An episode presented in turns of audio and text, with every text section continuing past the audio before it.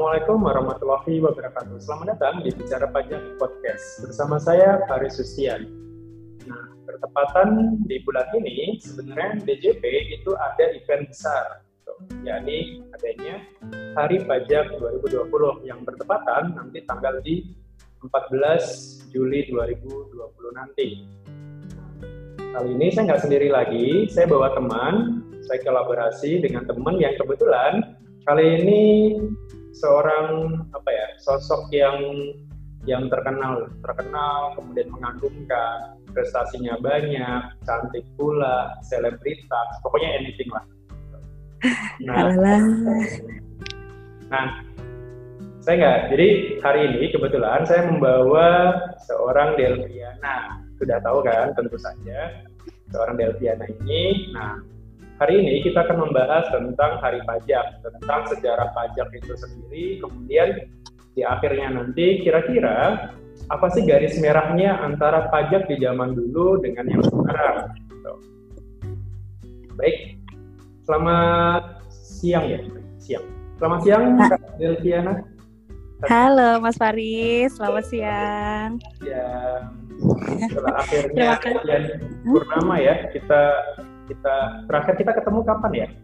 Waduh, itu kayaknya udah hampir setengah tahun yang lalu mungkin ya. Iya, terakhir di kantor pusat. di kantor pusat, iya lagi ada event apa gitu. Ya, semoga nanti apa ya kita bisa sekantor deh. Ya, Waduh, amin. Biar sering-sering sharing gitu kan. Saya bisa panjat panjat sosial juga kan. Gitu, Asik. Nggak kebalik nih. Yang pansos nih.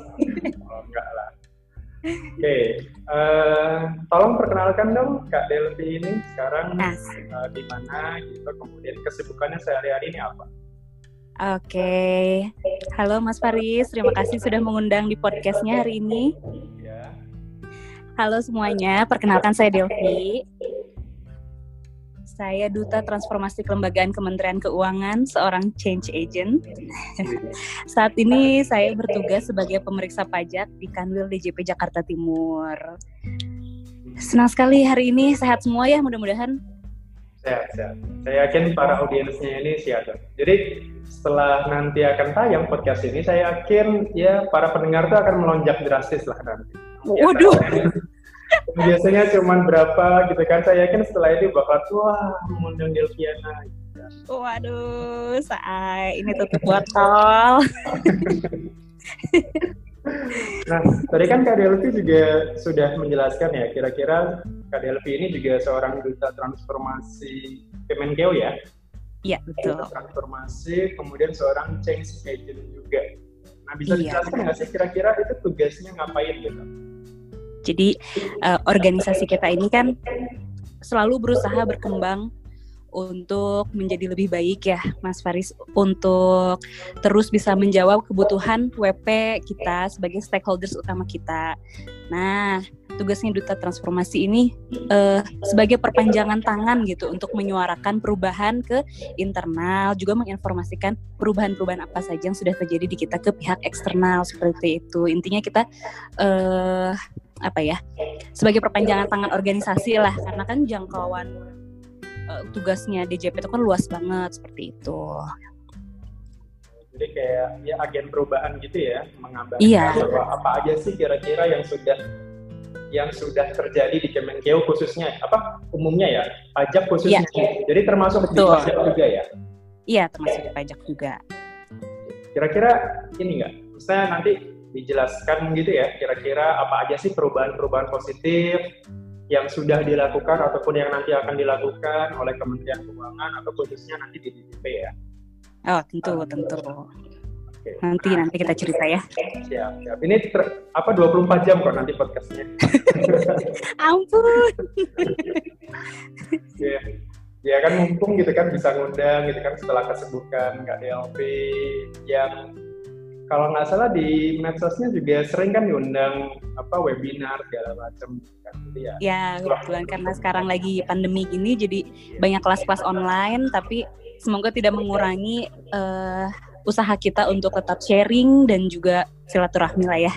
Iya iya. Saya juga apa ya ya lumayan banyak banyak insight lah selama pandemi ini. Jadi kita jadi lebih sering apa ya ya dapat dapat dapat ilmu baru sih dengan webinar itu kan karena kan kemarin aja yang selama puasa itu saya hampir tiap sore kayaknya ada webinar gitu iya benar banget ya belum pasti uh, ilmu baru sih Iya, IG Live juga. Jadi uh, ada silver liningnya juga dari pandemi ini ya Mas ya. Kita jadi yeah. semakin terbuka luas akses kita untuk informasi, terus mendapatkan ilmu karena banyaknya jadi online kan kelas-kelas gitu ya Mas ya. Iya, iya. Makanya itu juga nanti kan ke nanti kan setelah ini saya akan apa ya istilahnya buat kelas online pajak. Iya, semoga ya yang tertarik lah. Boleh daftar ya Mas? Oh siap, siap. Oke, kita ini. Nah, ini kan berhubung podcastnya bertepatan tanggal 12 Juli ya ini ya. Iya, ini 12 Karena Juli. hari ini saya ulang tahun juga ini. Ah, masa? iya, kan kemarin kemarin dinner kan, terus sekarang Iya. ulang tahun. Selamat ulang tahun Mas Haris. Sama-sama, terima kasih. Jadi 11 Semoga 12 panjang umur. Semoga terus berkembang menjadi pribadi yang lebih baik dan bermanfaat ya Mas ya. Terima kasih. Juga ya. Semoga ya semoga karirnya lancar, terus Amin. sehat-sehat selalu. Amin. Terima kasih doanya. Charming seperti biasanya. Asik. Seperti Tasya Kamila. Kamila. Jadi pengen nyanyi libur telah tiba. Sudah selesai liburannya ya. Hari ini kita mau ngobrol apa nih Mas? Kita mau ngobrolin, nah berhubung tadi kan kita bicara tentang ulang tahun ya, ulang tahun, Iya. terus Mm. kemudian ya biasanya kan kalau ulang tahun kayak saya gini kan ya ya udah kepala tiga lah ya, jadi kan udah nggak Asik. mungkin waktunya saya tiup apa ya tiup kue, kemudian balon, terus undang-undang temen ke KF apa ke McD gitu kan udah nggak mungkin ya. Dia nggak ada duitnya juga kan gitu lah. Asik. tapi kan ya lebih lebih apa ya lebih ke ya kontemplasi gitu kan kira-kira ya selama setahun kemarin kira-kira apa aja sih yang sudah saya hasilkan atau apa aja sih yang udah saya lakukan untuk diri sendiri keluarga dan ya, tentunya untuk negara ini kan kita sebagai ASN dan kira-kira selama setahun ke depan kira-kira kita pasti punya apa ya punya punya goals punya tujuan kira-kira kita mau mau seperti apa sih nanti setahun ke depan gitu kan Iya. kita kan bicara tentang ulang tahun gitu nah pajak Iya. juga kebetulan di bulan ini itu ternyata Mhm. berulang tahun Ya, dua hari lagi. Iya. Kita kita nanti tiup lilin tiup lilin ya di kantor pusat Iya, tapi kali ini kayaknya virtual tiap lilinnya. ya. virtual. nah, tapi sebelum itu ya, sebelum sebelum kita bicara tentang hari pajak gitu, kira-kira Ya. KDLP ada insight nggak tentang pajak ini? Kira-kira kenapa sih sebegitu pentingnya gitu pajak buat ya khususnya negara inilah? Oke, jadi eh, seperti kita tahu kan eh, agenda pembangunan negara ini sangat tergantung pada APBN ya. Dan eh, anggaran belanja negara kita itu 80% proporsinya dari pajak. Kebayang dong, pajak itu berarti mempunyai peranan yang sangat sentral dalam pembangunan negara ini gitu ceritanya. Tapi yang pengen kita tahu kan apakah dari dulu pajak itu udah sepenting ini gitu. Nanti di sini kita ngobrol nih, Mas. Ya, iya. jadi kita apa ya? Kita jadi sejarawan ya hari ini. Kebetulan kebetulan ini juga waktu saya SD, Hmm. SMP ya. Salah satu favorit pelajaran saya itu adalah sejarah sama geografi. Iya, benar sama-sama. Iya kan gitu. Karena baca sejarah gitu kan geografi, letak luas wilayah segala macam itu kayak menyenangkan gitu. Iya, Waktu betul saya banget. nggak- saya nggak tahu tuh masalah matematika paling benci lah, paling nggak bisa, paling nggak bisa gitu. Sampai sekarang pun juga kayak kalau di matematika dasar saya itu lemah gitu. Saya kalau disuruh menghitung misal berapa tambah berapa itu loadingnya lama biasanya. Tapi kalau se- kalau sejarah gitu kan biasanya langsung nangkep. Iya, benar sama sih. ya. Terus Eh, apa gimana? Delvi juga ngerasain yang sama sih. Jadi eh, karena mungkin basicnya Delvi senang banget baca. Jadi baca tentang sejarah juga selalu menyenangkan. Apalagi kalau belajar tentang awal permulaan sesuatu tuh ya kayak penasaran gitu, curious banget gitu. Ini dulunya kayak gimana sih? Kalau di masa lalu tuh ada nggak sih? Nah pelajaran-pelajaran yang kayak gitu tuh selalu paling menarik sih buatku. Iya, iya. Apalagi kan nah, kalau KDLP sendiri kan sejarahnya dulu di Kayangan ya, terus ditarik Kenapa? sejarahnya. Dulu kan sejarahnya KDLP kan di Kayangan ya, terus ditarik selendangnya kan jadi manusia biasa. Aduh, beda dari dong. nah, Aduh, tadi sebelum masuk ke ini, saya mau ke ini aja mau nambahin aja gitu. Kalau tadi kan APBN atau pajak itu kan 80 persennya dari APBN ya. Nah, uh, kalau saya punya ilustrasi sederhana gitu. Pajak itu kayak bahan bakar gitu. Jadi Benar. bayang dong, misalkan KDLP kan punya mobil, orang-orang juga punya mobil, gitu, kan, atau kendaraan deh. Gitu. Bayang dong kalau misalkan punya kendaraan mewah gitu ya, bagus, mewah atau atau yang sederhana sekalipun, pasti semua kendaraan ini kan butuh bahan bakar kan. Betul. Nah, saya anggap pajak itu ya sama kayak bahan bakar gitu. Mau sebagus apa pun mobilnya, mau sejelek apa pun mobilnya, ya tetap butuh bahan bakar gitu. Nah, bayangkan yeah. kalau memang kendaraan kita itu nggak ada nggak ada bensinnya, nggak ada bahan bakarnya, pasti nggak mungkin bisa jalan dong. Betul. Nggak peduli mobilnya apa butuh ya mas.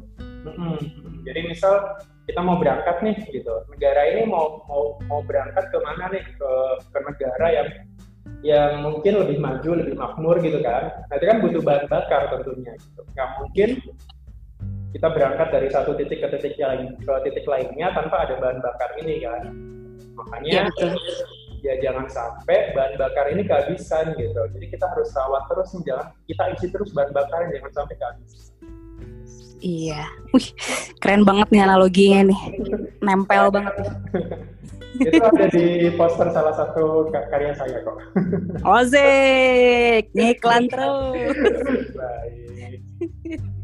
Nah tadi kan sudah nih sudah kita bicara tentang ulang tahun, refleksi diri dan sebagainya gitu kan. Nah sekarang kita makin apa ya? Berarti kita harus berbicara nih mulai dari tempo dulu ya sejarah-sejarah pajak dari zaman dahulu sampai nanti di di posisi saat ini gitu sejarah pajak di saat ini. Nah kira-kira itu ada gambaran nggak atau atau sudah riset nggak kira-kira pajak ini zaman dulu itu sudah ada nggak sih sebenarnya?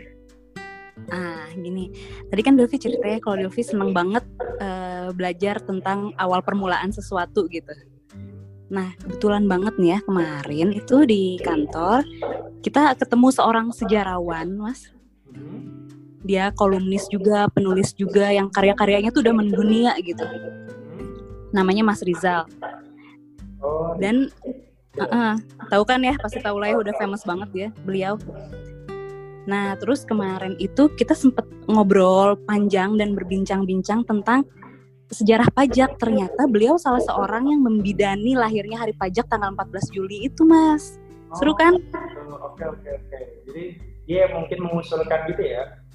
Iya dia yang riset kenapa tanggal 14 itu ada apa sih cerita di masa lampaunya tuh gitu dan itu ceritanya seru banget makanya uh, siang ini Dolphy senang banget diajak Mas Faris bisa sharing tentang hari pajak itu karena hasil kemarin ngobrol dengan Mas Rizal tuh ingin Delphi bagikan di sini gitu. Jadi kita tambah ilmu baru nih kira-kira.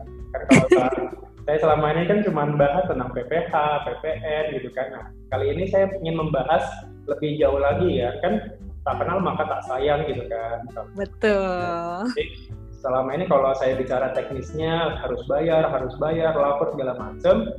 Nah, sekarang kita bicara mulai dari yang zaman-zaman dulu nih, kenapa pajak itu harus ada gitu kan, dan sejak kapan pajak itu ada. Iya, jadi ya, menariknya sih. Oke. Ini sangat menarik ya bahwa ternyata pajak itu awal mulanya di Indonesia itu ada sejak zaman kerajaan, Mas. Hmm. Jadi dulu sejak zaman kerajaan tuh mungkin disebutnya upeti. Upeti Ya, kita sering dengar kan ya istilah ya, di film-film Indosiar dulu gitu kan. Iya, yang terbang-terbang itu ya. Ketawa ya. Nah, mereka tuh uh, eh, upeti itu tuh berupa iuran wajib yang diserahkan kepada raja karena raja tuh dulu dianggap sebagai uh, perpanjangan tangan Tuhan, Mas.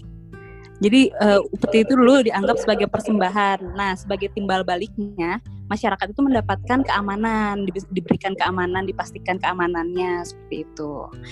Nah, yang menarik ini tentang kerajaan Sriwijaya, Mas. Oke, okay. Sriwijaya. Sriwijaya itu kan mulai ada di uh, abad ketiga ya mas ya, tapi masa kejayaannya kita tahu dia ada di abad ketujuh. Nah hampir seribu tahun dia bisa bertahan karena apa?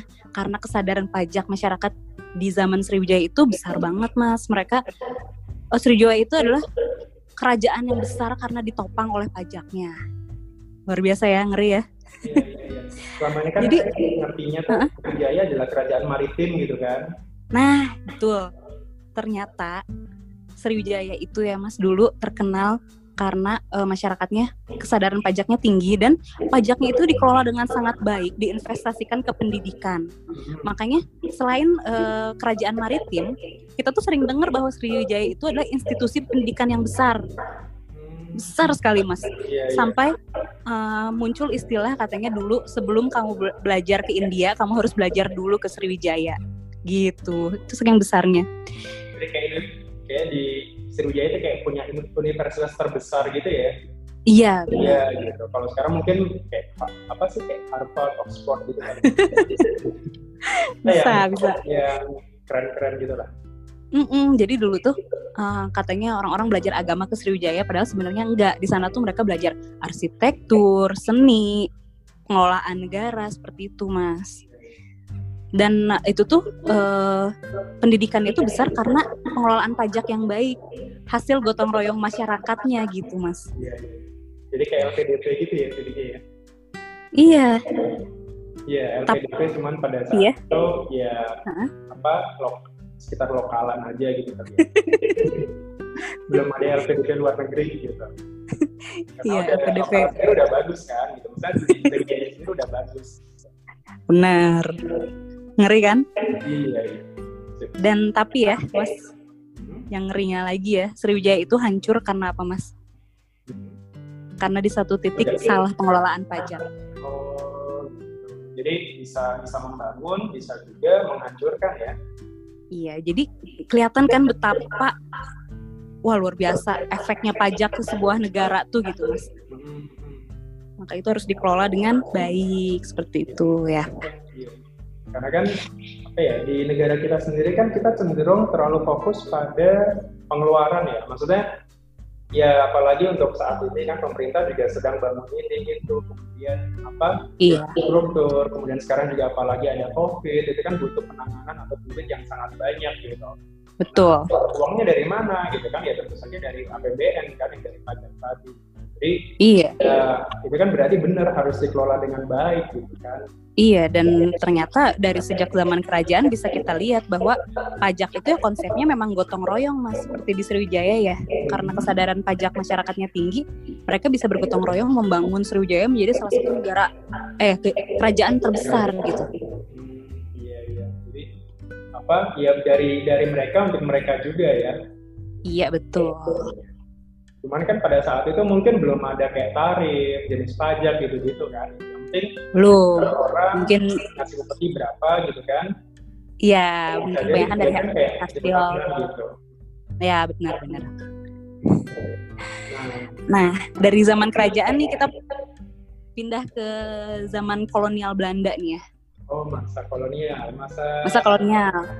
Iya, masa kolonial. Sebelum kemerdekaan. Masa company ya company. company masa si pitung segala macam gitu.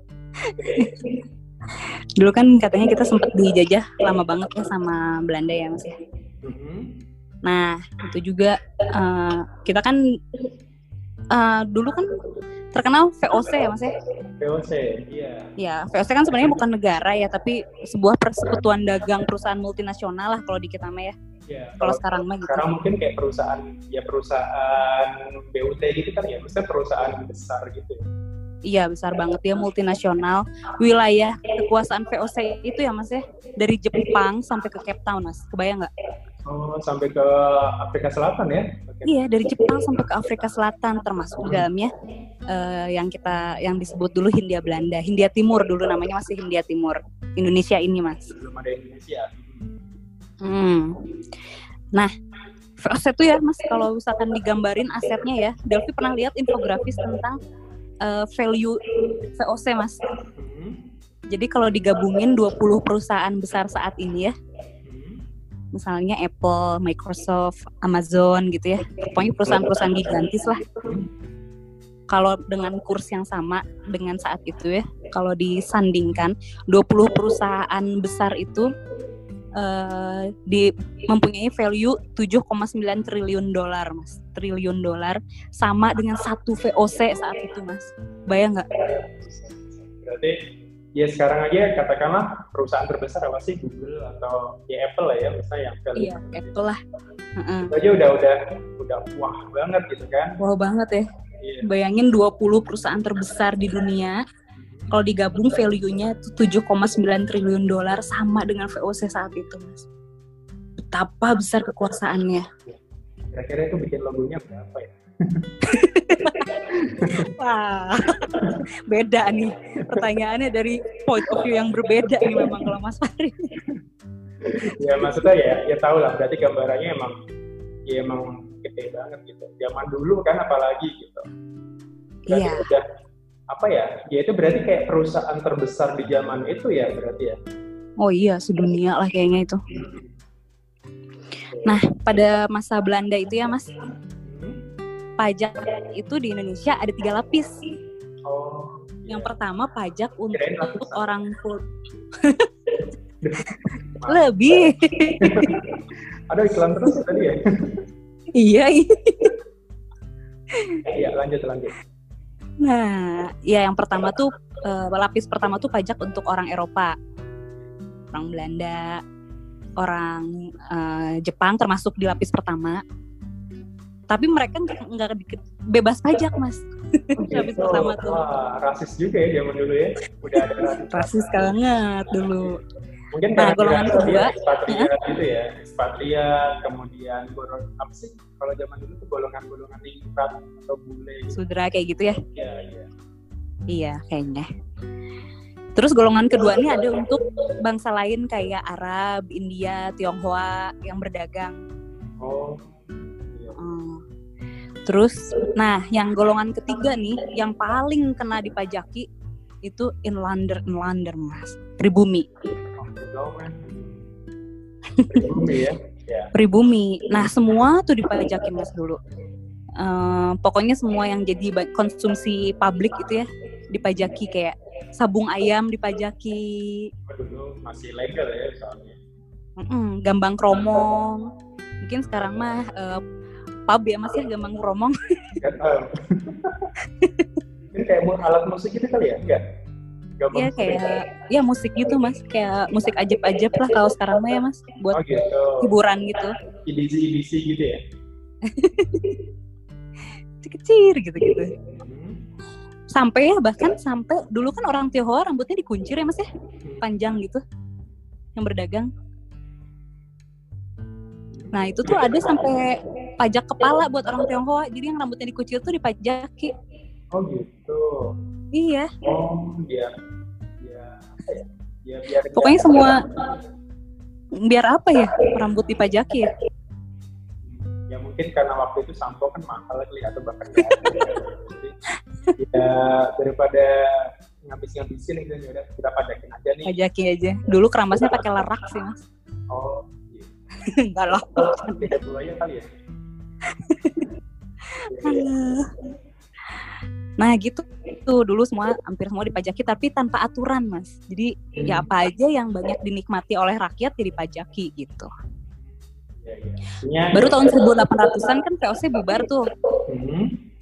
Perusahaan segigantik itu bubar tuh diambil alih oleh Belanda. Mungkin kayak jadi kayak BUMN kali ya mas ya, state owned company iya. kali ya. Kayak di bailout gitu ya sama negara. Uh, uh, bailout. Uh, uh. Tapi itu nggak mewariskan uang sebenarnya si VOC ini tapi dia mewariskan aset wilayah yang luas banget. Nah dulu tuh kan disebut Hindia Timur, diganti menjadi Hindia Belanda. Yang Indonesia ini, Indonesia kita ini mas. Nah mulai dari situlah dikenal pajak mempunyai sistem mas. Pajak diambil alih oleh Belanda. Belanda ya. Mm -mm. Muncul mulai orang-orang yang uh, mengenalkan pajak yang teradministrasi gitu, mulai dari Dendels, Raffles, Sir Thomas Stanford Raffles tuh mas. Iya. Yeah. Dia yang pertama kali mengenalkan sistem pajak land rent. konon katanya sih cikal bakalnya PBB. Oh iya, jadi siapa pemilik tanahnya dia harus bayar sekian gitu ya. Iya, jadi dulu tuh tanah gitu. Uh-uh. Dulu tuh ini pajak kan eh apa tanah kan dipakai buat bertani ya. Nah, tanah yang dipakai buat bertani itu dianggap tanah negara dan orang tuh bertani sewa ke negara gitu. Jadi kayak sewa ke negara gitu ya. Iya. Dipajaki. Jadi eh, land rent tuh awal mulanya dari situ katanya, Mas. Iya, iya. Terus setelah itu ada juga eh, pajak untuk pribumi atas kegiatan usahanya, disebutnya business tax. Jadi Dulu udah ada tuh tarifnya, dua persen. tapi tarifnya flat 2%. Oh, gitu. Kalau sekarang mungkin kayak UMKM gitu kali ya, setengah persen gitu kan. Yes, benar. Tapi kan kalau sekarang ada klasifikasinya ya untuk memudahkan gitu kayak eh, biar bisnisnya running terus kan UMKM diberi kemudahan setengah persen di atas 4,8 kan baru ada tarifnya gitu ya. Iya, setengah persen. Terus ke dulu mah flat.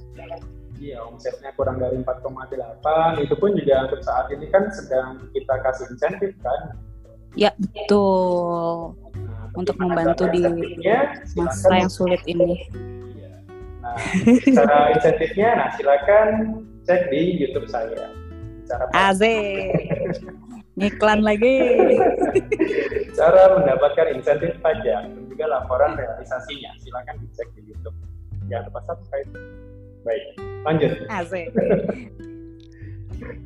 Nah, tadi kan sudah nih, eh, sudah sampai zaman apa tadi ya, zaman kolonial ya.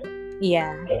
Nah, kira-kira pada saat itu kan yang jelas tadi ya, kan di situ kan ada tiga lapisan nih, lapisan istilahnya lapisan utama gitu ya, lapisan para migran-migran itu, para bule-bule itu, kemudian lapisan kedua lapisan ya warga-warga apa Pedagang warga- Arab, pedagang India, gitu, gitu. Cina atau Arab gitu kan. Nah, yang terakhir adalah Hmm. Arab pribumi. Iya. Nah, kira-kira dari situ kan pasti pasti ada lah dampak sosialnya atau kira-kira masalahnya dari situ kan pasti muncul ya. Nah, iya benar, benar banget. Jadi dari pajak itu muncullah kar- dulu kan pajaknya diambil sama Belanda ya Mas ya. Dari Indonesia, dari masyarakat Indonesia. Tapi nggak dipakai untuk pengembangan di Indonesia, tapi dipakai untuk pembangunan di Belanda. Nah, itulah yang muncul per- pergerakan-pergerakan tuh Mas awalnya. Jadi pergerakan nasional itu muncul karena perasaan tidak adil pajaknya diambil di sini tapi kok dibangun di sana gitu. berarti ini ya orang-orang apa ya? Ternyata pajak itu juga punya sumbangsih terhadap kemerdekaan kita ya. Maksudnya Iya. ketidakadilan. Awal mula. Iya, awal mula dari ketidakadilan itu kan berawal dari pajak. Iya betul. Jadi sejak dulu orang-orang tuh udah sadar pentingnya pajak ya maksudnya untuk pembangunan tuh ya. Iya, iya. Betapa pentingnya keadilan pajak itu sendiri. Iya betul. Nah sampai-sampai eh, kalau kita baca biografinya Pak Hatta ya, Mas Bung Hatta, Iya. dia tuh pernah bercerita kalau yang menggerakkan dia untuk menjadi tokoh nasional itu karena dia ngelihat pamannya dibuang oleh Belanda karena memprotes soal pajak. Nah di situ dia tergerak, kok sampai dibuang gitu? Seberapa penting sih pajak? Oh berarti penting banget gitu mas. Dia cerita kayak gitu di biografinya mas. Oh, gitu. Untungnya Bung Hatta pada saat itu ini ya, dulu belum ada Twitter ya. Belum, untung nggak nge-tweet kan? Nggak. Kalau ngerti dia paling viral, habis itu malah ini kan, oh malah apa kita malah diciduk. Aduh. Untungnya Pak Desta langsung nulis buku gitu. Gimana? Oke. Oh untungnya langsung nulis buku, Iya, langsung nulis buku kan. nggak curcol di Twitter ya. Iya. Oke, oke, lanjut. Nah, ya itulah saat negara ini hampir lahir mas. Hmm. jadi dari pergerakan-pergerakan nasional karena perasaan tidak adil tersebut karena eh, kita kayak istilahnya dipajaki tapi eh, tidak difasilitasi oleh pembangunan gitu mas dibangunnya di sana Iya, iya. Dan itu kan juga apa? Ya mungkin sekarang juga terjadi hal demikian ya, walaupun ya ya memang tujuan pajak kan memang kesejahteraan rakyat kan. Makanya iya kalau kita sendiri ya, misalnya untuk pemerintahan sekarang juga kan diusahakan kan ada yang namanya apa? eh, bagi hasil, bagi hasil desa atau bagi bagi hasil daerah gitu kan. Termasuk Iya. misalnya kan kalau sekarang salah satu poin di APBN itu kan ada yang namanya dana desa kan. Iya betul. Nah, harapannya kan dengan adanya dana desa itu kan paling tidak setiap-setiap desa ini kan dia bisa membangun desanya sendiri gitu loh dengan uang pajak yang yang kita yang dikelola. Iya, Jadi lebih merata gitu ya Mas ya, Iya, penyalurannya ya. Iya, Jadi ya istilahnya bukan bukan lagi misalkan ya udah kamu di istilahnya ya, disedot aja pajaknya tapi nggak dikasih apa-apa gitu kan. Kalau sekarang kan lebih adil kan. Oke, kamu bayar pajak tapi juga desa kamu kita perhatikan loh. Betul. Dan itu tuh sekarang eh, ini ya Mas terbuka gitu Mas, semua orang bisa lihat laporannya kayak gitu ya Mas Iya, ya. iya. Mm-mm. Di Kemenkeu Bagus kan ada situsnya juga kan gitu. Bahkan Iya. kalau salah dia ada ada apa ya tiap bulan itu di situsnya Kemenkeu kan ada laporan realisasi APBN gitu kan kalau nggak salah. Iya, benar ada. Gitu. Nah, sekarang kita melaju ke awal kemerdekaan nih Mas ya, sebelum kemerdekaan nih. Oke, sebelum kemerdekaan. Nah, tadi kan udah mulai muncul tuh pergerakan-pergerakan nasional ya. Terus eh sebelum kemerdekaan itu kan kita lagi dijajah Belanda ya Mas ya. Eh dijajah Jepang. Dijajah Jepang. Oke. Nah, Je- Jepang tuh nggak mau ngasih kemerdekaan sama kita, Mas. Makanya dibentuklah BPUPK. Kalau kita sering dengar dulu zaman SD ya, Badan Persiapan Kemerdekaan gitu ya, Mas. ya? Iya, ada persiapan. Ya itulah. Nah, dibentuklah BPUPK yang diketuai oleh Dr. Rajiman Widyodiningrat. Oke. Familiar nggak namanya? Rajiman Yodiningrat. Kayaknya salah satu nama gedung di DJP ya kalau nggak salah ya. Betul, gedung LTO 2 eh LTO 2 Kanwil LTO itu kan namanya gedung Rajiman ya yang di Oh. Sudirman tuh. Oh, nah berarti kan Nah. ada ini orang nggak sembarangan nih pasti kan? Nggak sembarangan. Ini penting banget nih orang buat awal mula pajak nih. Oh gitu. Gimana? Diceritain nggak? Nah, jadi kan eh, waktu itu kan para pemimpin bangsa kita tuh kesel sama Jepang karena Jepang tuh bohong nggak mau ngasih kemerdekaan. Nah, akhirnya mereka rapat. Iya, sampai eh, Bung Karno tuh bilang, samurai macam apa kalian yang tidak menepati janji gitu bilangnya mas. Iya, iya. Karena kesel gitu dibentuklah BPUPK. Nah, eh, terus kan eh, ada ini ya, ada pidato Bung Karno tuh pidato Pancasila 1 Juni mas. Hmm. Nah itu tuh Pancasila ya. ya mereka merumuskan kalau tentang persiapan kemerdekaan. Kalau misalkan negara ini mau jadi negara, akan berbasis apa negara kita gitu. Terus kalau dibentuk pemerintahan, apa aja yang harus dibu- diurus kayak gitu. Itu salah satu isinya di eh, pidato satu Pancasila tuh. Iya, iya. Nah setelah itu kan eh abis pidato tuh ada masa reses mas, ada reses tanggal 2 Juni sampai 9 Juli. Jadi eh, di luar masa sidang tuh mereka juga ya tetap rapat-rapat itu tentang apa aja yang penting untuk dibahas. Hmm. Pada pada masa reses tersebut, Dr. Rajiman Widyodiningrat yang saat itu ketua BPUPK mengatakan bahwa pajak harus diatur oleh hukum. Harus Jadi lu undang-undangnya ya. ya harus ada undang-undangnya. Iya. Jadi eh, uniknya ya Mas, yang mengusulkan tentang pajak harus diatur oleh hukum itu bukan seorang ekonom loh Mas. Oh gitu. Oh dokter. Dokter Rajiman itu seorang dokter, seorang dokter ya, bukan dokter. dokter, iya. Beliau adalah seorang medical doctor loh Mas. Dokter um, dokter, ya dia pernah eh, mengepalai rumah sakit jiwa juga di mana ya? Malang kalau nggak salah ya, lupa saya di mananya. Jadi seorang dokter yang mengungkapkan bahwa pajak itu harus diatur oleh hukum. Nah, karena dia seorang dokter ya, dia tuh mengatakan istilahnya gini mas, negara tanpa pajak akan sakit. Dia bilang gitu mas. Keren ya? Pengen di quotes nggak sih? Jadi pengen nulis status. Yo, nanti nanti uh, waktu promonya podcast ini saya kasih juga akan sakit. Asik. Jadi beliau terus beliau meneruskan berkata bahwa negara itu harus hidup dari rakyatnya. gitu. Terus konsep pidato Bung Karno yang tadi juga mengatakan bahwa kalau uh, konsep negara tuh bukan satu untuk semua, bukan semua untuk satu, tapi semua untuk semua gitu. Itulah itulah nyawanya berbagi dan gotong royong mas, semua untuk semua gitu. Iya, itu juga kan ya apa? Apa ya istilahnya? Ya Pancasila juga mengajarkan itu kan ya semua untuk semua ya gotong betul betul. Iya betul sekali. dari satu orang untuk semuanya terus atau dari semua untuk satu orang tapi juga ya seluruh masyarakat kan dari rakyat untuk rakyat tadi gitu. Iya betul seru ya seru seru seru ternyata panjang juga ya sejarahnya ya panjang. Ini kita belum masuk ke kenapa tanggal 14 Juli loh. Mas. Iya, iya. belum, belum ada belum ada hilangnya nih. Kenapa sih tanggal belum 14 ada. itu gitu? Sedikit lagi nih. Siap. Oke, kita Terus kan tadi uh, reses ya sampai 9 Juli ya. Hmm. Terus tanggal 10 sampai 17 Juli 45 ini mereka sidang lagi untuk membahas apa-apa aja sih yang penting, topik-topik penting yang harus dibahas dalam pembentukan negara ini gitu. Ada 9 topik yang dibahas dan mengerucut menjadi tiga topik utama, Mas. Dan salah satunya ini adalah masalah keuangan dan pajak.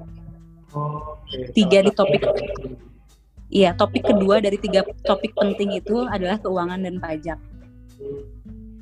Terus saat sidang tuh ya, Bung Hatta tuh ngotot bahwa pajak itu harus masuk ke dalam pasal di undang-undang. Saat itu beliau memimpin sidang tentang topik keuangan dan pajak. Jadi Bung Hatta sendiri yang memimpin topik keuangan dan pajak, Mas. Iya, iya. Terus lahirlah. Nah, dari sidang itu lahir tuh Mas pasal 23. Ingat nggak isinya? Pasal 23 itu tentang ini uh, terkait dengan bunga dividen royalti itu beda. beda, beda. Oh, mohon maaf. itu undang-undang PPH, mohon maaf. Pasal 23 Undang-Undang 45 kita tuh berbunyi ya. segala pajak untuk keperluan negara berdasarkan undang-undang. Nah, di situ lahirnya, Mas segala pajak untuk keperluan negara berdasarkan undang-undang. Yes. Makanya apa ya? Makanya perbedaan antara pajak dengan palak ya dari situ ya. Betul. Kalau pajak kan ya ada undang-undang. Mm -hmm. Atau apa ya? Kalau istilahnya tuh kalau kalau job bapak-bapak tuh kalau pajak itu kan dengan adanya surat, surat atau undang-undang gitu kan. Tapi yeah. kalau palak ya nagihnya pakai urat gitu, pakai urat, nah. marah-marah urat gitu.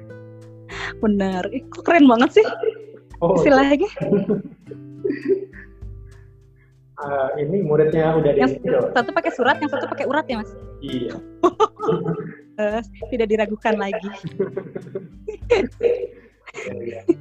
nah terus tadi nah, tanggal 14. Nah, nah, nah kira-kira kenapa? Nah terus kan kapan nih pertama kali pajak ada di kata undang-undang? Kan kita lagi merumuskan undang-undang nih ya mas ya. Mm -hmm jadi dari arsip rapat BPUPK yang sempat hilang ya mas, hmm. dan akhirnya ditemukan kembali.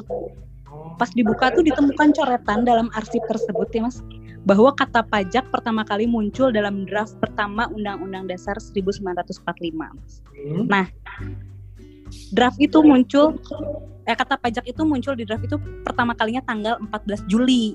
Nah, mulai kelihatan kan hilalnya? Iya, iya, iya. Tadi kan soalnya tanggal 10 sampai tanggal 17 mereka 17. sidang ya. Sidang, benar. Ya. Nah, ternyata di tanggal 14 itu di draft. Mereka, di draftnya itu mereka tulis draft pertama undang-undang. di situ. Tentang pajak. Pertama kalinya tanggal 14 Juli. Maka lahirlah pajak lahir tanggal 14 Juli sebagai peringatan bahwa pentingnya pajak tuh telah didraftkan di undang-undang kita tuh pertama kalinya tanggal 14 Juli. tanggal 12 ya biar ulang tahunnya bareng.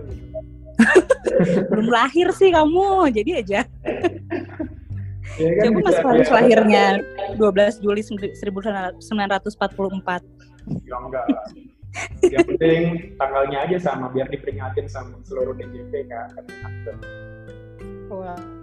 karena tahun lalu kan dia dipilih semua ya iya keren keren keren karena tahun lalu kan saya juga ini kan apa saya juga jadi ingat gitu tanggal 14 tahun lalu gitu mm-hmm. saya kan sempat diundang ke kantor pusat kan waktu itu pasti menang sesuatu deh.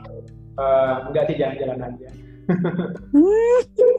Enggak pada saat itu memang tahun lalu itu kan dari DJP kan menyelenggarakan apa ya semacam lomba poster gitu ya semacam lomba poster. Oh, udah. Mas mas Faris sudah ya, kebetulan aja itu menang. Kebetulan ini kok sering sih mas? Hokinya gede. Ya emang berskill sih ya penuh talenta jadi itu sih. Jadi apa ya memang Juli itu emang kayak kayak apa ya kayak banyak hal-hal ini ini bicara pribadi dulu ya sebelum nanti. Mm-hmm. Juli itu kayaknya kalau bagi saya tuh sering gitu jadi momen-momen yang yang bagus gitu. Saya ingat penempatan pertama saya itu di bulan Juli. SK penempatan itu di bulan Juli. Oh ya? Iya bulan Juli SK SK penempatan ya waktu itu 2009 mm-hmm Terus pengangkatan AR pertama saya itu juga di bulan Juli. Wah, istimewa banget nih bulan Juli buat Mas Faris ya. Iya, terus berikutnya ini yang penting sih, ini yang paling deket sih. Hmm? Pinar itu lahir di bulan Juli. Ah, si kado, kado juga kan. Maksudnya, Wah, kado yang luar biasa sih itu. Iya, bahkan tanggalnya pun juga berdekatan gitu, 11 12 coba aja dulu oh, maksudnya agak agak agak nahan-nahan dikit gitu udah tuh. Sama gitu tarik nafas dulu tahan dulu ya. Iya iya. Jadi memang apa ya ya termasuk yang kemarin itu ketika ada lomba poster dan saya menang ya itu terjadi di bulan Juli juga. Juli jadi, juga. luar biasa. Jadi apa ya ya hokinya di bulan Juli ya mas ya? Mungkin. Pokoknya tiap kali ada bulan Juli itu kayak ini mau ada apa ya? Gitu, nebak-nebak gitu ya. Padahal nggak ada apa-apa di situ. Udah gear duluan. iya. Dan apa ya? Saya cukup beruntung sih. Saya cukup beruntung. Apalagi selisih harinya juga nggak terlalu lama dengan hmm. hari pajak ini. Apalagi, iya benar dua hari. Hmm, apalagi ya saya bagian dari DJP juga, jadi ya ya kita bangga ya. Kita layak, hmm, kita layak bangga dan bahkan tadi itu ternyata memang ya sejarah pajak itu panjang gitu kan mulai dari peti kemudian pajak land rent tadi kan sampai sekarang pajak yang apa ya sudah kita kenal sekarang gitu. pajak di masa modern sekarang ya mas iya iya iya, nah, iya jadi kira-kira nih mulai gimana, gimana? dari apa mulai dari zaman kerajaan tadi sampai dengan -hmm. sekarang sampai dengan NKRI -hmm. sekarang itu kan pasti ada benang merahnya kan gitu. Iya benar, ada sama. Nah, kira-kira apa nih benang merahnya konsep pajak ini? Ya, itu tadi bisa kita lihat mas dari zaman Sriwijaya yang maju karena pajaknya, terus jadi apa eh, negara kita bisa memulai pergerakan dan bisa membentuk BPUPK dan merumuskan tentang pentingnya pajak hingga sekarang negara kita menjadi negara yang merdeka seperti ini ya mas ya? Hmm. dan terus berkembang. Konsep pajak itu selalu sama mas. Benang merahnya tentang gotong royong mas. Gotong royong ya? Iya. Tentang gotong royong dan pembangunan sebuah negara. Jadi kita bisa sepakat kalau pajak itu unsur yang sangat penting untuk langsung dan kemajuan sebuah negara dan merupakan hal yang sentral dalam agenda pembangunan negara, Mas. Seperti Dr. Rajiman tadi mengatakan bahwa negara tanpa pajak akan sakit. Benar banget ya, Mas? Iya, iya. Kalau tanpa dia sih juga sakit sih. Oh, curcol. ya intinya ya apa? Kalau Mas Faris gimana nih setelah dengar cerita tadi? Gimana Mas memandang pajak sekarang setelah mendengar kisah panjang? Kisah tadi ya, ya intinya sih tadi ada beberapa poin sih. Yang pertama itu tadi ya ternyata pajak itu juga apa setua umur manusia juga ya gitu. Karena kalau nggak salah saya pernah baca artikel itu ketika ketika kan yang namanya negara atau sebuah masyarakat lah gitu kan pasti mereka akan akan cenderung berkumpul berkelompok kemudian nanti membentuk organisasi dan sebagainya sampai nanti menjadi sebuah negara ya betul dan ya tadi jelas sih bahwa ketika dia sudah membentuk sebuah organisasi bahkan negara, hal penting itu ya tentang keuangan gitu, tentang mengatur mengatur apa ya mengatur sistem, undang-undang dan sebagainya gitu kan. Dan itu semua juga nggak akan terlaksana kan kan kalau kalau nggak ada uangnya gitu kan. Negara itu nggak akan kita di negara itu akan sakit, negara itu nggak akan bisa jalan, negara itu akan lumpuh kalau memang nggak ada uangnya, nggak ada pajaknya. Betul kemudian tadi poin kedua ya ternyata pajak itu juga bisa menjadi penggerak penggerak apa ya penggerak re, re, penggerak gerakan nasional ya gitu. mulai dari Iya. mungkin ya melihat ketidakadilan melihat bahwa loh kok itu dipajaki ini enggak kemudian Iya. dari rasis dan sebagainya ternyata itu juga bisa memantik reso apa ya revolusi kan memantik pergerakan gitu jadi ya tadi sih selama ini kan mungkin yang kita baca gitu ya kemerdekaan Indonesia itu kan dipantik dari pergerakan apa ya pergerakan nasional dari dari isu sosial budaya dan sebagainya kan. Tapi ternyata yang nggak kalah penting adalah dari isu keuangan kan. Isu keadilan dari pajak itu terus ya yang terakhir Bener. tadi sih apa ya, benang merahnya Banget. ya tadi ya gotong royong itu ya gotong royong kemudian ini juga sama kan dengan dengan apa dengan falsafah pancasila kita kan gitu, gotong royong untuk kemakmuran rakyat juga Dari semua untuk semua ya mas. iya dari semua untuk semua makanya kan definisi pajak itu sendiri kan sudah menyangkut itu semua kan gitu. kira-kira definisi pajak Iya, itu menurut banget. undang-undang apa kak Gimana mas? definisi pajak menurut undang-undang itu Mm-mm. apa Definisi pajak menurut undang-undang iya iuran wajib. Hmm. Pajak itu kan iuran wajib eh, kepada negara untuk sebesar-besarnya kemakmuran rakyat gitu ya mas ya. iya Yang eh, manfaatnya tidak dirasakan secara langsung, iya ya kan? iya Mm-mm. ada kurang sih. Ini saya lagi ngetes mahasiswa saya sih. Oh. Mohon maaf pak. Oke, ya Gimana tadi. pak? Gimana pak? Tolong dielaborasi. Jadi gini ya, gini gini ya. Ya nih definisi definisi enggak sih. Saya sebagai dosen itu ini kok apa friendly kok. Kalau pas- Kalau pas lagi nggak marah aja gitu. Lah, ya iyalah. Kan tadi ya, mulai makanya di definisi pajak itu sendiri kan tadi ya iuran iuran yang bersifat wajib tentu saja. Kenapa bersifat wajib? Ya karena dia berdasarkan undang-undang tadi kan. Betul. undang dan kenapa sifatnya wajib juga karena karena dia sifatnya wajib makanya bisa dipaksakan. Kayak Oh, iya. ya, bisa ada sanksinya, bersifat memaksa, ya? ada ada denda dan sebagainya bersifat bersifat memaksa. Kemudian ya apa digunakan untuk kepentingan umum. Jadi Oh iya. ya, apa ya itu sih kurang lebih sudah mencakup kronologis dari zaman apa tadi zaman kerajaan sampai sekarang ya memang definisi pajak itu nggak berubah kan ya tadi ya jadi Betul. sifat memaksa kemudian ya paling Wajib. setelah, setelah kemerdekaan ya paling ditambahkan dengan adanya undang-undang tadi jadi lebih, tertata gitu dan Benar. benang merahnya ya tadi dari zaman dulu sampai sekarang pun juga ya dari kita untuk kita kan makanya tagline kita apa DJP itu dari dari pajak kita untuk kita kan? Iya, pajak kita untuk kita. Betul. Nah, Delvi juga nih ya Mas kemarin setelah mendengar cerita ini ya, Hmm. kayak tersentuh banget loh Mas hati, kayak deg gitu. Iya, iya, iya.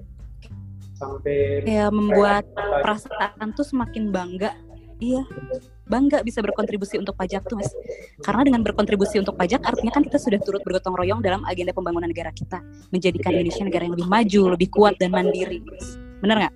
benar benar apalagi kalau Kak Delvi kan sebagai auditor ya auditor Iya benar, Delvi Auditor. ya jadi makin makin bersemangat untuk mengoreksi gitu ya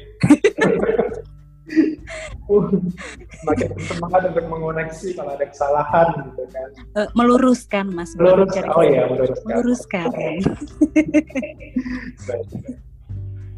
Nah gitu kira-kira nih Mas ceritanya. Nah, tadi kan sudah sudah dijelaskan ya kronologis tentang terbentuknya kenapa itu tanggal, itu tanggal 14 Iya, dari betul. kerajaan gitu kan. Nah, bisa diceritakan nggak administrasinya, sejarah administrasi mulai dari setelah setelah kemerdekaan itu atau awal-awal Oh. itu administrasinya gimana pajak ini? Administrasi, oke. Jadi kan eh, pajak itu kan harus dikelola ya, tentu ada lembaga yang meng- mengelolanya. Nah, Ya. dulu pada awal masa kemerdekaan nih Mas, eh, jawatan pajak dulu namanya ya DJP itu Mas. Berada di bawah koordinasi Direktur Iuran Negara Departemen Keuangan. Nah, Kemenq ini sendiri dulu diresmikannya tahun 1945 Mas pertama kali.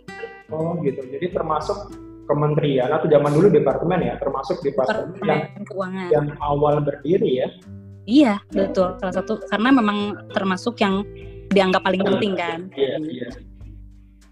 Nah, baru di tahun 1958 Jawa Jawatan Pajak itu menjadi organisasi vertikal langsung di bawah Departemen Keuangan. Kalau dulu kan di bawah koordinasi Direktur Iuran Negara, Mas. Iuran Negara. Ya. Nah, sekarang uh, di tahun 58 langsung di bawah Departemen Keuangan. Nah, tahun 90 eh tahun 64 nih. Tadi 58 ya, sekarang 64. Jawatan pajak berubah menjadi dir belum belum direktorat jenderal pajak baru direktorat pajak. Jadi tahun 64 ya. itu jawatan pajak. Di bawah pimpinan menteri urusan pajak menjadi direktorat pajak. Di bawah menteri urusan pendapatan negara ya?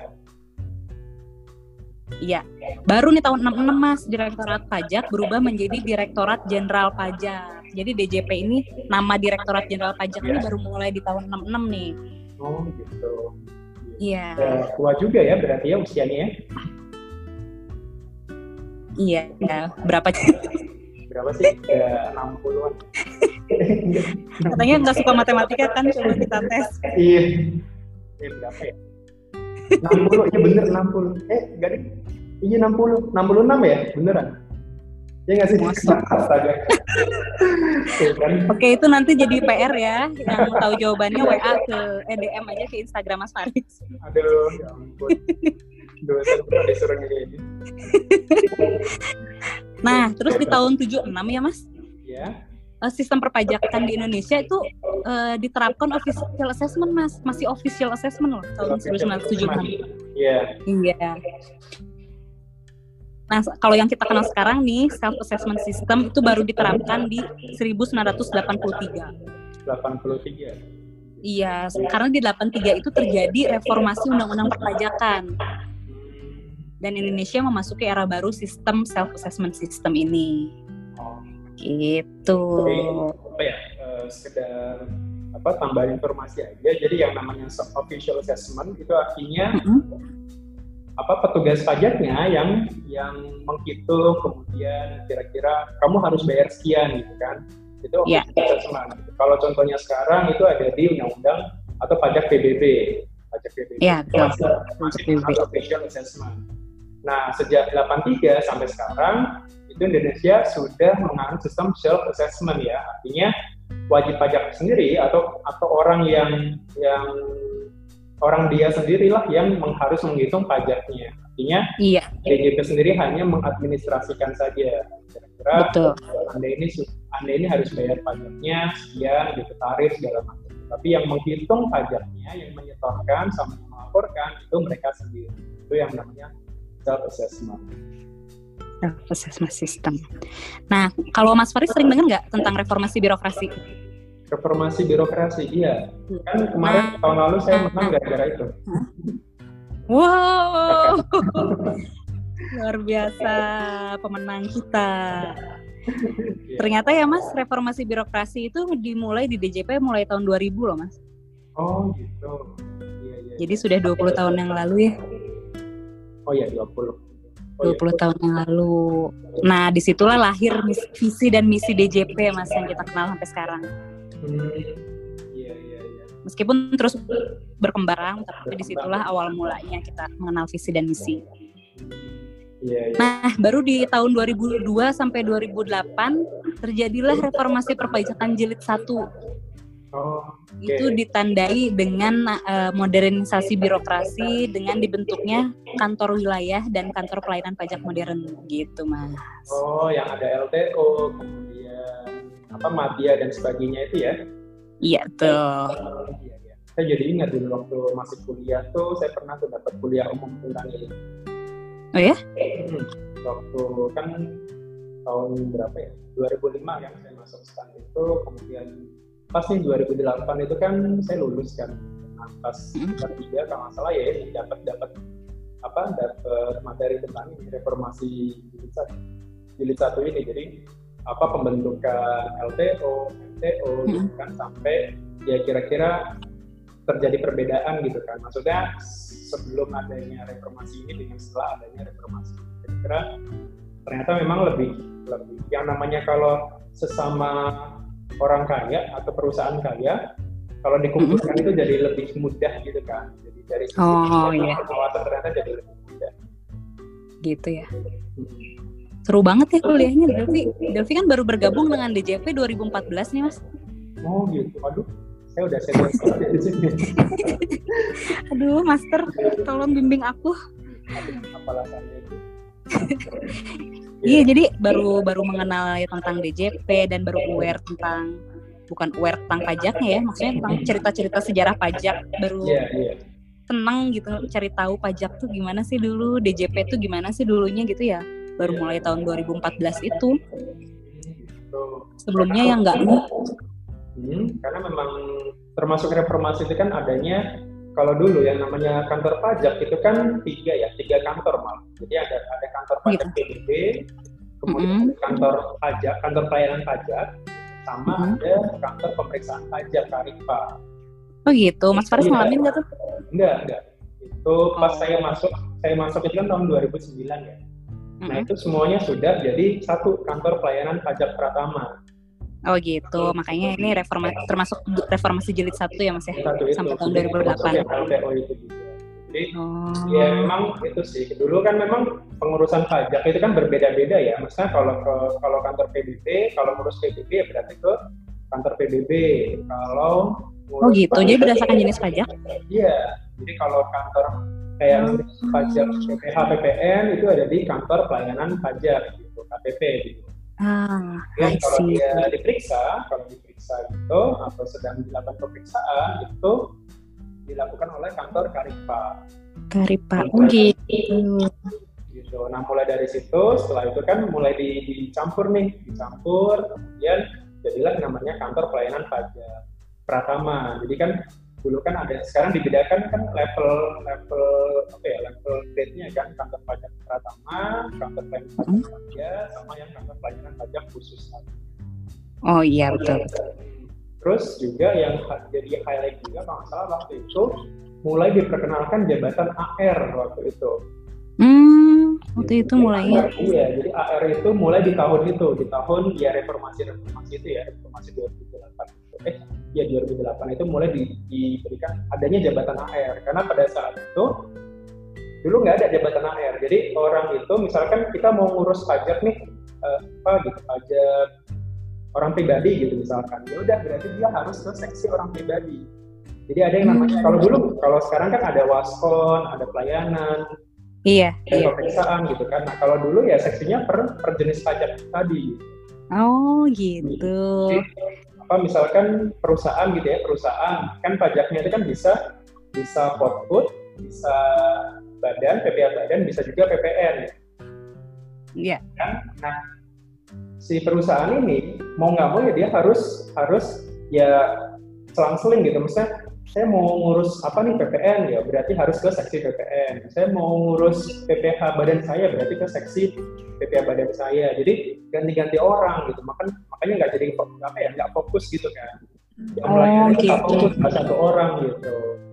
Hmm, berarti AR, hmm, uh -huh. adanya AR jadinya kan dia bisa fokus kan gitu. Jadi Uh, kalau sekarang kan AR itu kan ya istilahnya jadi consulting mereka kan gitu. Jadi yeah. uh, saya mau bertemu AR saya gitu, mau mau menanyakan layanan ini gitu atau mau, mau dapat apa ya menanyakan jenis pajak ini gitu kan. Nah, AR itulah yang bertanggung jawab untuk ya untuk apa ya istilahnya konsultasi dan pengawasan. Oh, jadi, jadi salah satu fungsi AR memberikan layanan konsultasi gratis kepada wajib yeah, pajak ya. Iya. Jadi dulu satu WP bisa dilayani oleh beberapa orang. Mm-hmm. Nah, kalau sekarang dibalik satu, satu orang orang melayani beberapa WP. Mantap. Berarti DJP terus bertransformasi ya Mas ya dari dulu sampai sekarang? Iya, dan sekarang pun juga kan ada reformasi berikutnya. Tugas AR, karena saya AR ya, karena saya AR, jadi tahu gitu tugas AR sendiri itu ya sekarang berubah-ubah terus gitu saya mulai dari AR saya pernah merasakan tugas tugas AR itu mungkin hampir semuanya jadi kan kalau dulu itu kan namanya AR ya tadi fungsi pertama tadi melakukan pengawasan dan konsultasi jadi di samping memberikan pengawasan kita juga ngasih ya pelayanan tadi kan tentang yeah. sosialisasi edukasi dan sebagainya kemudian setelah itu dipecah tahun berapa ya tahun 2015 kalau nggak salah itu dipecah mm-hmm. itu antara pengawasan sama konsultasi dipisah kan makanya ada yang namanya AR Waskon 1, AR Waskon 2, 3 dan seterusnya. Nah, hmm, sekarang juga gitu. dipisah lagi kan, AR itu sekarang dipisah lagi. Ada yang namanya mm-hmm. AR strategis, ada yang AR kewilayahan. Hmm. Kalau AR strategis itu artinya dia yang mengawasi wajib pajak wajib pajak besar saja. Jadi istilahnya kayak di LTO gitu ya. Mm-hmm, tapi yang terbesar di KPP tersebut gitu ya. Skupnya di KPP itu. Kemudian oh. ada lagi AR kewilayahan, artinya misalkan saya mengawasi katakanlah kecamatan ini gitu. Ya udah jadi saya harus memantau memetakan kira-kira potensi wilayah ini apa. Misalkan karena saya tugasnya di, di apa di Jatibarang gitu ya ya udah berarti hmm. saya harus memetakan kira-kira wilayah Jatibarang ini potensinya apa kendalanya apa jumlah wajib pajaknya berapa yang bayar berapa dan yang belum bayar berapa. Jadi kita harus tahu itu Oke. Okay. ya tadi ya terus-terus berubah sih pastinya. Oke. Okay.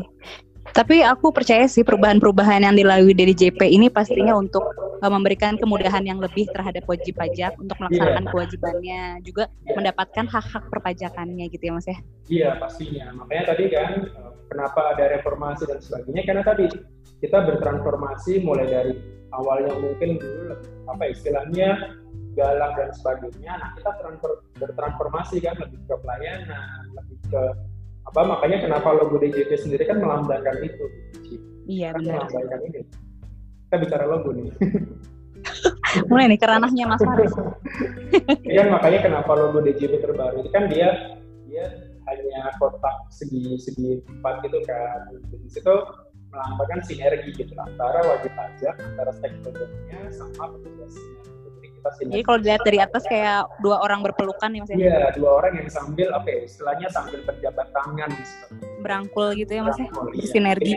Bersinergi, jadi kita kita mitra yang sama nih, kita partner yang sama, nggak ada yang lebih di atas, nggak ada juga yang lebih di bawah. Jadi kita sama, jadi ya kita melayani, tapi juga kita memberikan ya kalau memang ada pengawasannya, pengawasannya, edukasinya juga. Yeay, keren keren keren. Ya, itu logonya tapi bukan saya yang buat sih. Kirain seperti logo burung. burung saya masih terbang itu di kantor pusat. iya, ih. Bangga bisa kenal dengan pembuat logo burung yang sensasional itu. Nanti biasa tunjukkan sih ke anak cucu itu loh, nak. Kalau belum dicopot ya. itu buatan kakek dulu gitu ya.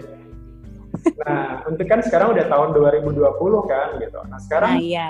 ada nggak reformasi berkelanjutan lagi di DJP gitu? Ya, sebenarnya pada tahun dari tahun 2017 sampai 2020 ini kita mengalami reformasi perpajakan jilid 3. Itu meliputi lima pilar, Mas. Jadi oh, ada lima pilar utama yang diperbaiki yang mengalami transformasi dan menjadi fokus utama yaitu organisasinya sendiri, sumber daya manusianya, teknologi informasi dan basis data proses bisnis di DJP tuh di juga di apa ya di, dimudahkan dipersingkat atau kalau bisa dipangkas ya dipangkas menjadi lebih efektif. Iya.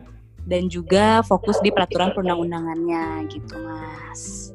Jadi lebih efisien ya? Betul lebih efisien. Karena saya juga dapat ya dapat bocoran juga kan. Jadi kita nanti kan untuk pelayanan ya khususnya untuk, untuk pelayanan itu kan kita akan shifting ke ketiga C kalau kita sebutnya gitu. Ya, mm-hmm. klik uh, klik call counter. Gitu. jadi kalau ketika kita mau mendapatkan layanan kita klik dulu nih. Kita klik artinya klik itu berarti kita menuju ke situs pajaknya. Online ya mas ya? Online. Jadi kita usahakan semua layanan pajak itu online semua gitu Cool. Ya kan? Iya, makanya kan sekarang ini di situs pajak itu kan semuanya ada di situ. Mulai dari belajar pajak, tutorial, kemudian pelapor juga ada kan, e-filing, e-billing dan sebagainya. Di situ semuanya lengkap. Makanya makanya kita uh, istilahnya ya udah kalau ada apa-apa silakan klik dulu nih. Kita klik dulu situsnya. Baru nanti ketika ternyata misalkan ada trouble atau ada masalah atau ada yang perlu diper apa ya ditanyakan lebih lanjut, silakan hubungin call atau call center. Kalau sekarang di kering pajak ya. Pajak itu sendiri. Nah setelah dari kering pajak misalkan masih ada hal yang perlu ditanyakan atau ternyata ada berkas yang harus diserahkan dan sebagainya silakan ajukan ke counter tadi. Kalau sekarang namanya TPT tempat okay. tempat pelayanan eh TPT tempat pelayanan terpadu. Tempat pelayanan terpadu. Ya jadi shiftingnya akan ke arah situ. Semuanya akan online. Jadi ketika jadi nanti ke depannya memang kantor pajak itu memang tidak untuk didatangi sama kantor pajak. Gitu. Makanya tidak kan untuk didatangi oleh wajib pajak. Wajib pajak. Oh, Oke. Okay. Jadi hanya yang kasus-kasus tertentu saja yang orang itu datang ke kantor pajak. Nah kebetulan juga mm-hmm. kan sekarang lagi ada pandemi ini kan, lagi ada COVID. Yeah. Jadi kan sebagian layanan DJP itu sudah shifting nih, sudah shifting ke online semua gitu. Jadi iya, betul. pembuatan NPWP, terus aktivasi EVIN, kemudian kayak tadi insentif pajak dan sebagainya itu semuanya sudah online. Wow.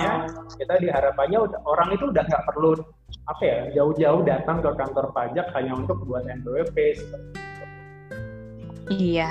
Wah, lebih baik, lebih cepat, lebih bagus ya Mas ya? Iya. Dan lebih memudahkan sih pastinya. Iya, iya. Karena sekarang ini kalau kita mau buat NPWP ya, itu mm-hmm. kalau prosesnya benar, itu saya yakin nggak nyampe setengah jam udah dapat nomornya. Wow. Jam, Senang banget nih. Asik. Karena saya punya keren, tutorialnya. Wah, boleh tuh di-share nanti buat boleh. ditayangin di TPT. Boleh, boleh. Jadi kalau ada yang mau tutorial tentang pajak dan segala macam, silakan subscribe channel YouTube saya. Iklan lagi. mumpung ada iklan di sini. Asik, pansos ya sekalian. kan daripada saya bayar mahal-mahal kan gitu. Buzzer-buzzer ya. Nah, terakhir nih Kak Devi, Ya. Kira-kira KDLP sendiri sebagai DJP, sebagai bagian dari DJP ya, sebagian dari DJP, bagian dari Republik ini gitu kan, bagian dari masyarakat secara umum gitu kan, memaknai yeah. hari pajak ini kira-kira seperti apa? Oke, okay, memaknai hari pajak ya. Hmm. Uh, sama setiap sama seperti setiap hari ulang tahun kan kita suka refleksi diri ya mas ya. Hmm. Nah sama memaknai hari pajak juga seperti itu. Uh, dengan berefleksi dan meyakini bahwa DJP nih sebagai institusi pengelola pajak di Indonesia juga ke depannya menjadi semakin lebih baik, mempunyai harapan seperti itu. Dan dari sistem informasinya, dari manusianya, agar lebih bersinergi lagi, bertumbuh, berkembang menjadi lebih baik untuk memudahkan wajib pajak sebagai stakeholders utama kita menunaikan kewajiban perpajakannya dan juga memperoleh hak perpajakannya gitu mas. Tadi ya refleksi ya karena kalau nggak salah kan tema tema pajak hari ini itu kan tahun ini tentang bergotong royong juga kan. Oke, okay, gitu. Baik. Jadi, uh, hmm, ada yeah. tambahan nggak? Kita ngobrol-ngobrol santai. Gitu. Ya, sepertinya sudah cukup panjang lebar nih mas perbicaraan kita. Meskipun seru, tapi ya waktu tidak pernah bergerak mundur ya mas ya jadi mungkin waktu juga yang memaksa kita untuk berpisah. Iya, Nah, tapi ini seru banget sih. Saya sangat apa ya, sangat sangat apa ya, sangat menyukai lah gitu obrolan seperti ini karena selama ini kan saya sering monolog ya kalau di podcast. Ini orang gitu kan. Nah, sekarang ini mumpung ada temennya gitu kan. Nah, saya yakin mm -hmm. apa ya, saya apa ya semoga Kak Delvi nanti bisa jadi narasumber tetap deh nanti gitu. Wah, dengan senang hati, yeah. pasti mau banget. Iya, pengen banget gitu ya. Maksudnya podcast ini juga saya nggak nggak akan apa ya nggak akan selalu melulu bicara tentang pajak. Saya pengen ya ini juga bagian dari pengembangan diri saya, pengembangan dari pendengar juga gitu kan. Makanya awal sendiri podcast ini saya bentuk itu kan awalnya ya untuk apa ya mengisi ruang kosong dalam hati Nah, ya intinya ya sambil sambil karena pada saat itu sedang ya sedang galau ngapain ya udah bikin podcast aja Wah, galaunya berfaedah ya. Luar biasa sih. Panutan, panutan. Terus ya udah sih. Jadi ya pengen lah nanti kan apalagi Kak Delvi kan backgroundnya komunikasi ya.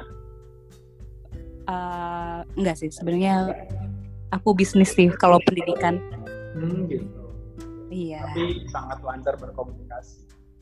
Wah itu mungkin salah satu hobi aja sih. Jadi aku ini uh, suka apa ya melabeli diri sebagai ASN yang senang bercerita gitu. Jadi ya saya pengen sih nanti bisa cerita-cerita tentang tadi ya tentang tentang komunikasi ilmu. Karena kan sekarang juga saya pengen sih belajar ilmu komunikasi, bisnis, investasi dan sebagainya. Kemarin juga sempat saya sama Fitri tentang mm -hmm. apa ya teman saya juga tentang pinjaman online. Nah, nanti juga yeah. pengen nih nanti sewaktu-waktu kalau ada teman yang khususnya DJP ya, boleh DJP, boleh dari luar, silakan gitu. Kalau kita mau kolaborasi, kira-kira mau bahas apa, saya sih sangat welcome. Wah, tentulah karena sekarang kan eranya kolaborasi ya. Iya, iya. Udah, udah. Bukan lagi era saingan ya. Hmm. Saing tapi ya sambil kolaborasi. Betul. Seru banget. Semoga di lain kesempatan kita bisa ngobrol lagi tentang topik yang berbeda ya. Siap, siap. Dengan senang hati. Semoga Delvi juga sehat, terus tetap tetap charming seperti biasa, tetap seperti Tasya Kamila yang selalu cerita. Ulala. terima kasih, Amin. Iya. Baik, terima kasih Kak Delvi. Terima kasih Mas Faris, terima kasih juga buat para pendengar podcastnya Mas Faris yang udah mau meluangkan waktunya di obrolan santai kita siang ini. Sampai jumpa di lain kesehatan, tetap sehat semuanya, jaga diri dan keluarga. Terima kasih, bye. Ya, bye-bye.